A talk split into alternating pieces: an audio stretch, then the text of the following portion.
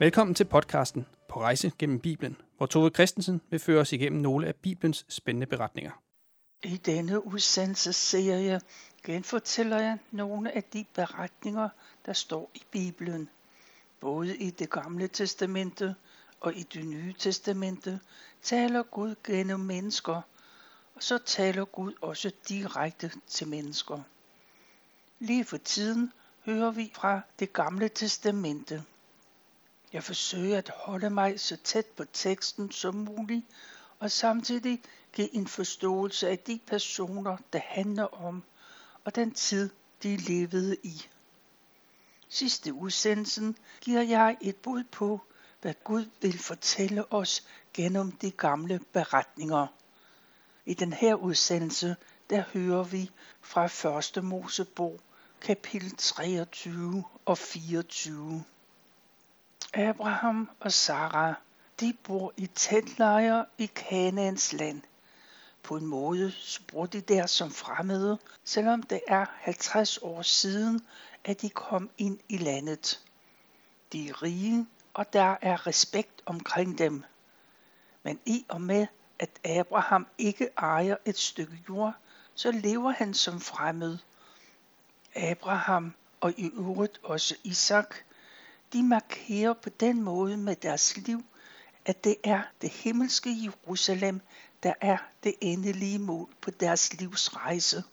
Det er det, der er vigtigt for dem, ikke deres jordiske liv.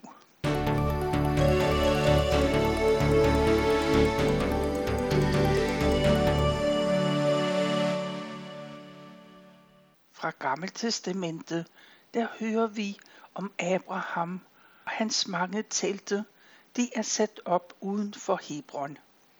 Han har store flokke af får og geder, og der er æsler og kameler, og han har et kæmpestort folkehold. Men lejren er i sorg. Abrahams kone, Sara, er lige afgået ved døden i en alder af 127 år. Abraham græder, og han sørger dybt over sin elskede hustru. De har haft et langt liv sammen. Deres søn Isak er voksen og har sin egen teltlejr, der står i Negev. Men nu er han taget hjem til sin far. Isak sørger over den mor, der har haft så stor omsorg for ham, og som han har elsket så højt. Abraham har ikke haft et sted, han kunne kalde sit eget, men i døden vil han ikke låne en grav, han vil eje et stykke jord. Der vil han begrave sin kone. Det skal være et land, som ingen kan tage fra ham eller tage fra hans slægt. Abraham går til den nærmeste by, Hebron. Der går han ind af byporten. Der sidder byens leder for at tage sig af det, som byens borgere kommer med. I ydmyghed kommer Abraham frem med sit ønske.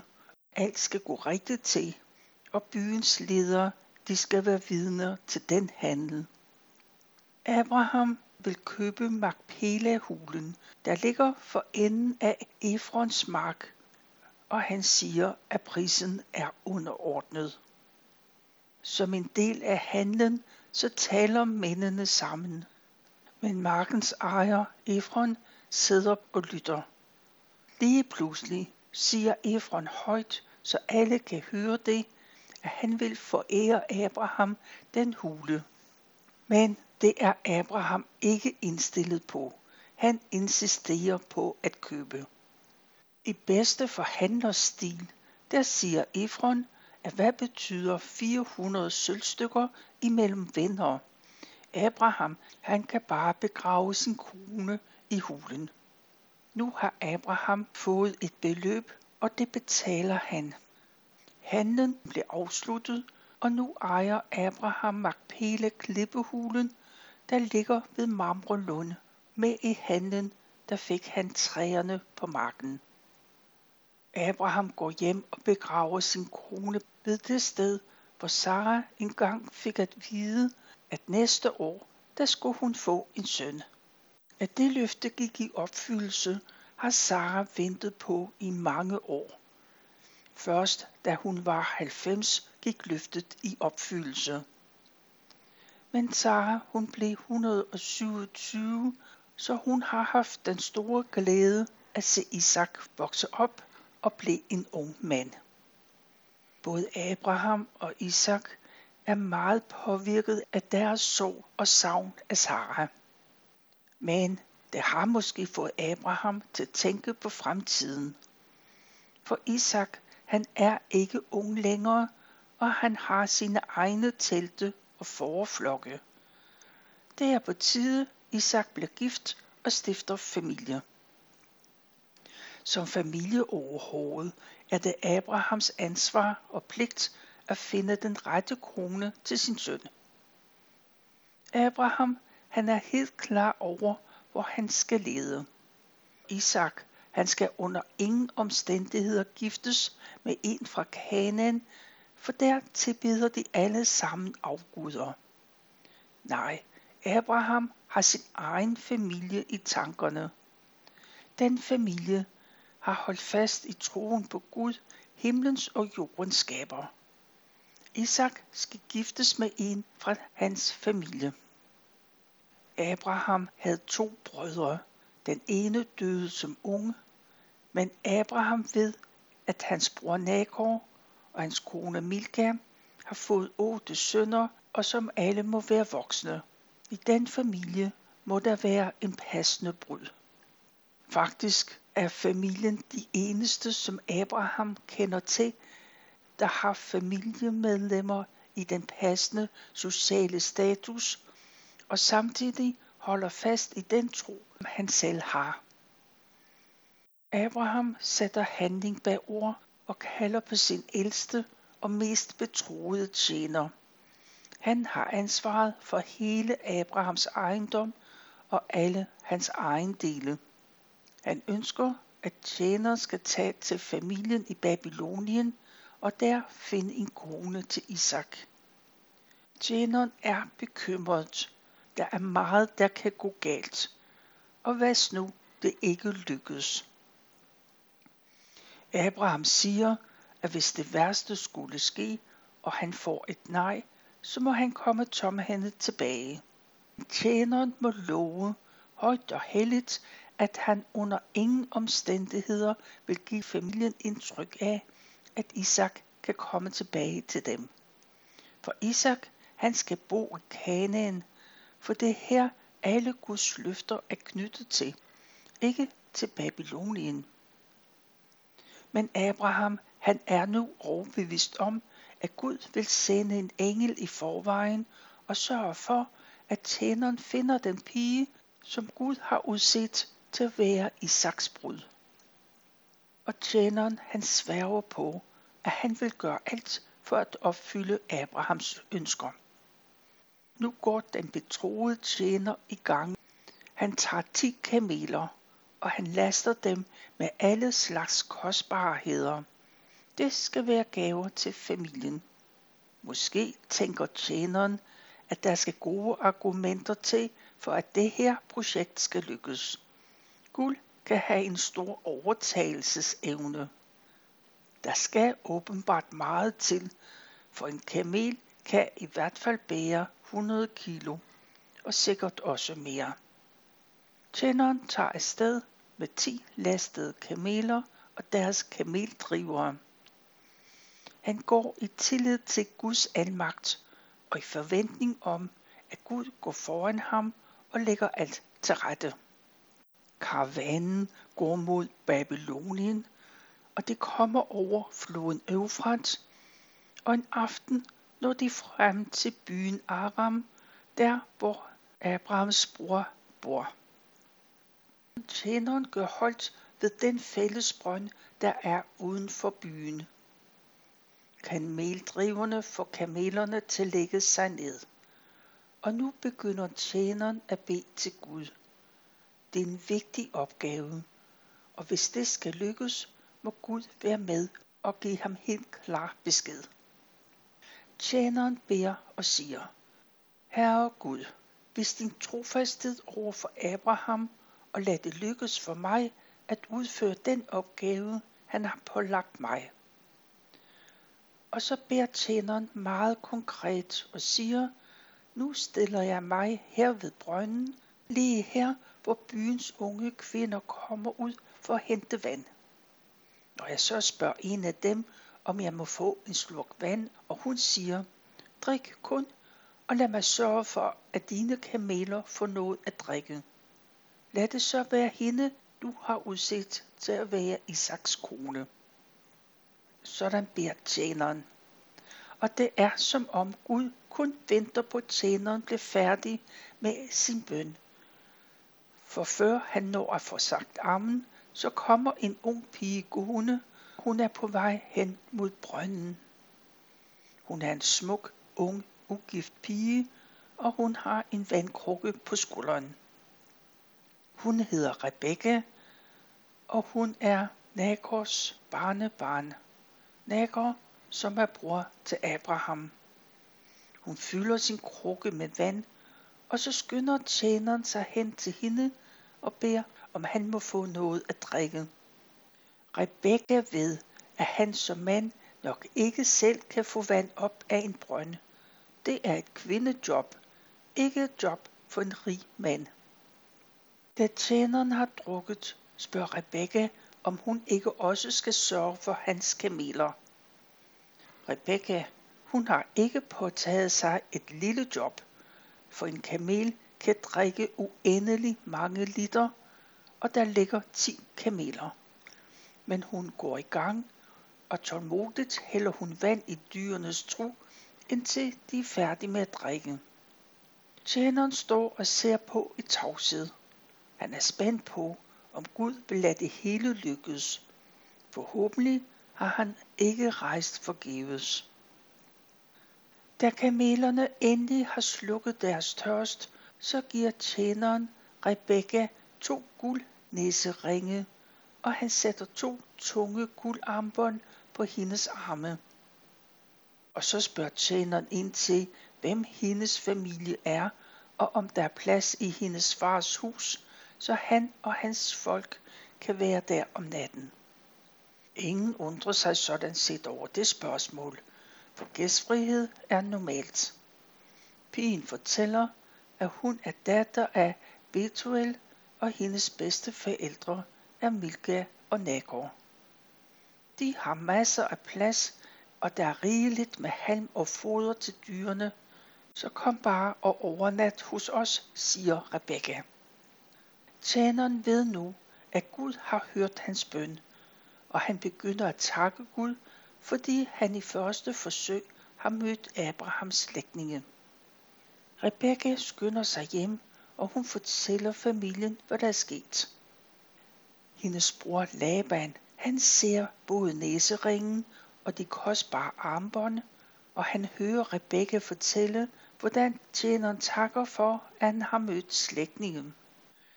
Laban skynder sig ud til brønden, og tjeneren står der stadigvæk. Laban inviterer ham med hjem som deres gæst. De følges ad, og de får læsset bagagen af kamelerne, og der bliver sørget for dem. Tjeneren om kameldriverne, de får vand, så de kan vaske støvet af deres fødder. Det er et gæstfrit hus, jeg er kommet til, for det er godt at få vasket fødder i frisk vand, efter at have gået en dag i varme og støv. Og mad bliver der også serveret. Men tjeneren har ikke ro på sig til at sidde og spise og småsnakke. Hans ærne er vigtigst. Jenner fortæller, at Abraham er blevet en velhavende mand, og han har en eneste søn. En søn, som allerede har fået forskud på arven. Og nu er han sendt afsted for at opsøge slægtninge og finde en brud til ham. Men hvis den unge pige ikke vil gå med tilbage til Kanaan for at gifte sig med Isak, eller hvis familien modsætter sig det, så han kan tage tilbage uden en brud til Isak. Tjeneren fortæller, hvordan han bad til Gud ved brønden, og Rebekka kom og var svaret på den bøn. Og tjeneren vil nu vide, hvad de har at sige til spørgsmålet om, at Rebekka tager med tilbage til Kanaan og gifter sig med Isak. Tjeneren bøjer hovedet mod jorden og lovpriser Gud. Så henter han smykker af sølv, guld og smukke, kostbare dragter. Alt det giver han til Rebekka. Også Laban og hendes mor får gaver. Det er svært at sige nej, dels på grund af gaverne, og det er tydeligt, at Gud er med i det alt sammen. Og en aftale er kommet i stand. Først nu sætter tjeneren og kameldriverne sig ned for spise til aften, og de overnatter i huset. Næste morgen siger tjeneren, at han helst vil tage afsted lige med det samme tilbage til Kanaan. Men det er for hurtigt. Både Rebekkas mor og hendes bror vil være sammen med hende nogle dage, før de tager afsked. For måske får de aldrig hende at se mere. Aftalen bliver, at de vil lade Rebekka bestemme. Hun er klar til at tage afsted lige med det samme. Familien velsigner hende, og hun og tjenestepigerne de sætter sig op på kamelerne. Og så begynder de den lange vej tilbage til Kanaan.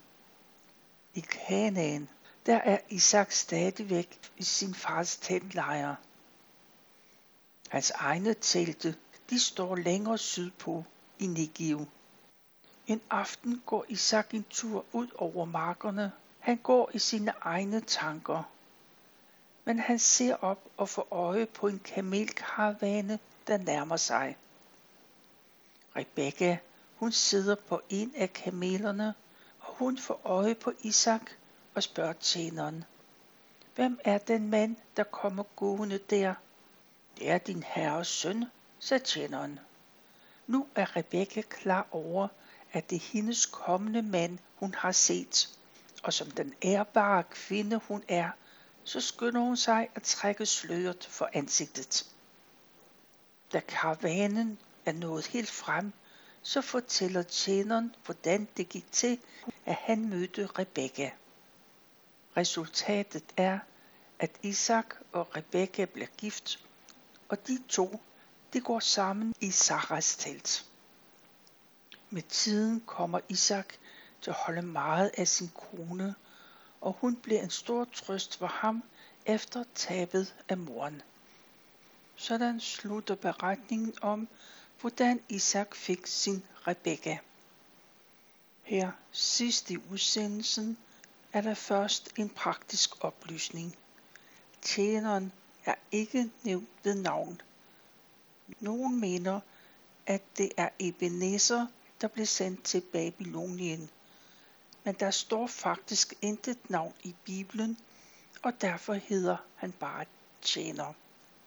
Vi har hørt en lang og fin beretning om, hvordan Isak fik sin brud. I og med, at det fylder så meget, kan man få den tanke, at det er vigtigt. Den viser i hvert fald, at det var vigtigt for Gud, at slægten blev videreført. Alle Guds løfter til Abraham afhang af, om Isak fik den rigtige hustru. Der er stor forskel på, hvordan de levede dengang, og hvordan vores hverdag er i dag. Men vi kan lære af Abraham og tjenerens tro og tillid til Gud og Guds ønske om, at alle mennesker skal frelses. I Brejerbrevet kapitel 11 tager det emne op og spørger, hvad er tro? Tro er grundlaget for vores håb, en overbevisning om ting, der ikke kan ses. Vi har jo mange vidnesbyrd om den tro, vores fædre havde. Citat slut. Efter det så fortæller forfatteren om de mange personer i Gamle Testamentet, der troede på Gud. Blandt andet bliver der fortalt om Abraham. Abraham viste med sit liv, at han var Guds tro tjener. Blandt andet viste han, at hans livsmål var himlen. Rent praktisk gjorde han det ved at bo i et telt. Han skulle ikke bo i et hus, hvor grundvolden var i Kanaan. Abrahams grundvold var i himlen. Abraham havde tillid til Gud om, at han ville videreføre sin plan om, at Isaks slægt, det var i den, at Jesus verdens frelser skulle blive født ind i. Abraham var det vigtigt, at Isaks kommende ægtefælle også troede på Gud. Og han lagde det i Guds hænder i tillid til, at Gud ville lade det lykkes. Hans tjener, han tænkte praktisk, og han kendte nok også menneskers natur. For Gud gav ham visdom, så han tog de rigtige gaver med, og i rigelige mængder. Og jeg er overbevist om, at alle de rige gaver til Rebekka, og især nok til Laban, har gjort deres beslutning nem. Men uanset hvad deres motiv har været, så valgte de rigtigt. Tjeneren bad meget konkret om, at han på en håndfast måde måtte få bevis for at vælge rigtigt. Og Gud hørte den bøn. Gud havde ført ham lige præcis til det rigtige sted på det rette tidspunkt. Du har hørt fra 1. Mosebog kapitel 23 og 24. Citaterne er hentet fra Bibelen på hverdagsdansk. Vi slutter med at høre sangen Hvilken ven vi har i Jesus. Det er Paul Lykke Nielsen, der synger.